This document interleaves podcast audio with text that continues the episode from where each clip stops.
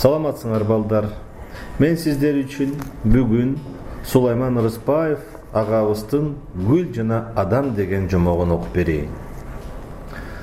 Бул окуя качандыр бир кезде илгери илгери болуптур ажайып кооз гүлдөр жер бетинде жаралып анын көркүн ачты. Жыпар жыты менен бүт дүйнөнү аңкытты бүткүл жан жаныбарлар дагы айбанаттар дагы канаттуу куштар дагы көпөлөк арылар дагы гүлгө суктанышып аны айланчыктап ыракатка батышты. Бир гана адам мен дүйнөнүн ээсимин андыктан гүлгө да мен ээмин мен ага бара албаймын гүл өзү мага келип таазим этсин деп буйруду. Гүл адамдын буйругун аткара албады.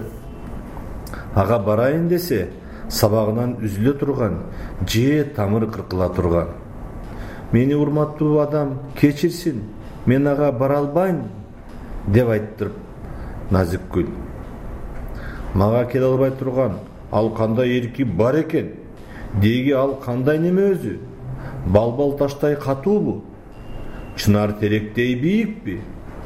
Аппак булуттай үлбүрөкпү булактай тунукпу же балдай таттуубу? Же айдай сулуубу? Деги ал кандай неме? Айткылачы эч качан сиз элестеткендей эмес дешти гүл жөнүндө айтып келишкен жан жөөкөрлөрү.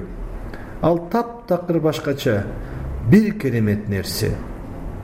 Акыры адам чыдамы кетип гүлдү издеп айгүл тоого келди келсе бул дүйнөгө бүтүндөй бийлик жүргүзгөн.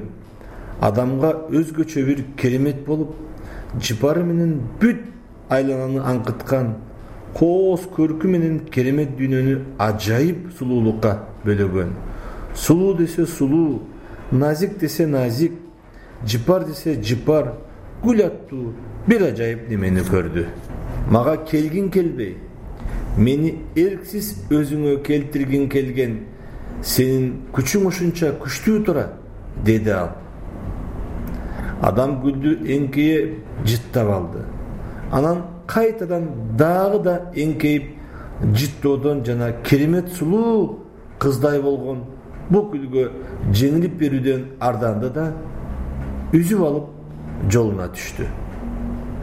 Ошондон ушул күнгө чейин адам балдары гүлдү эңкейип жыттоодон арданат экен да үзүп алып жыттайт экен.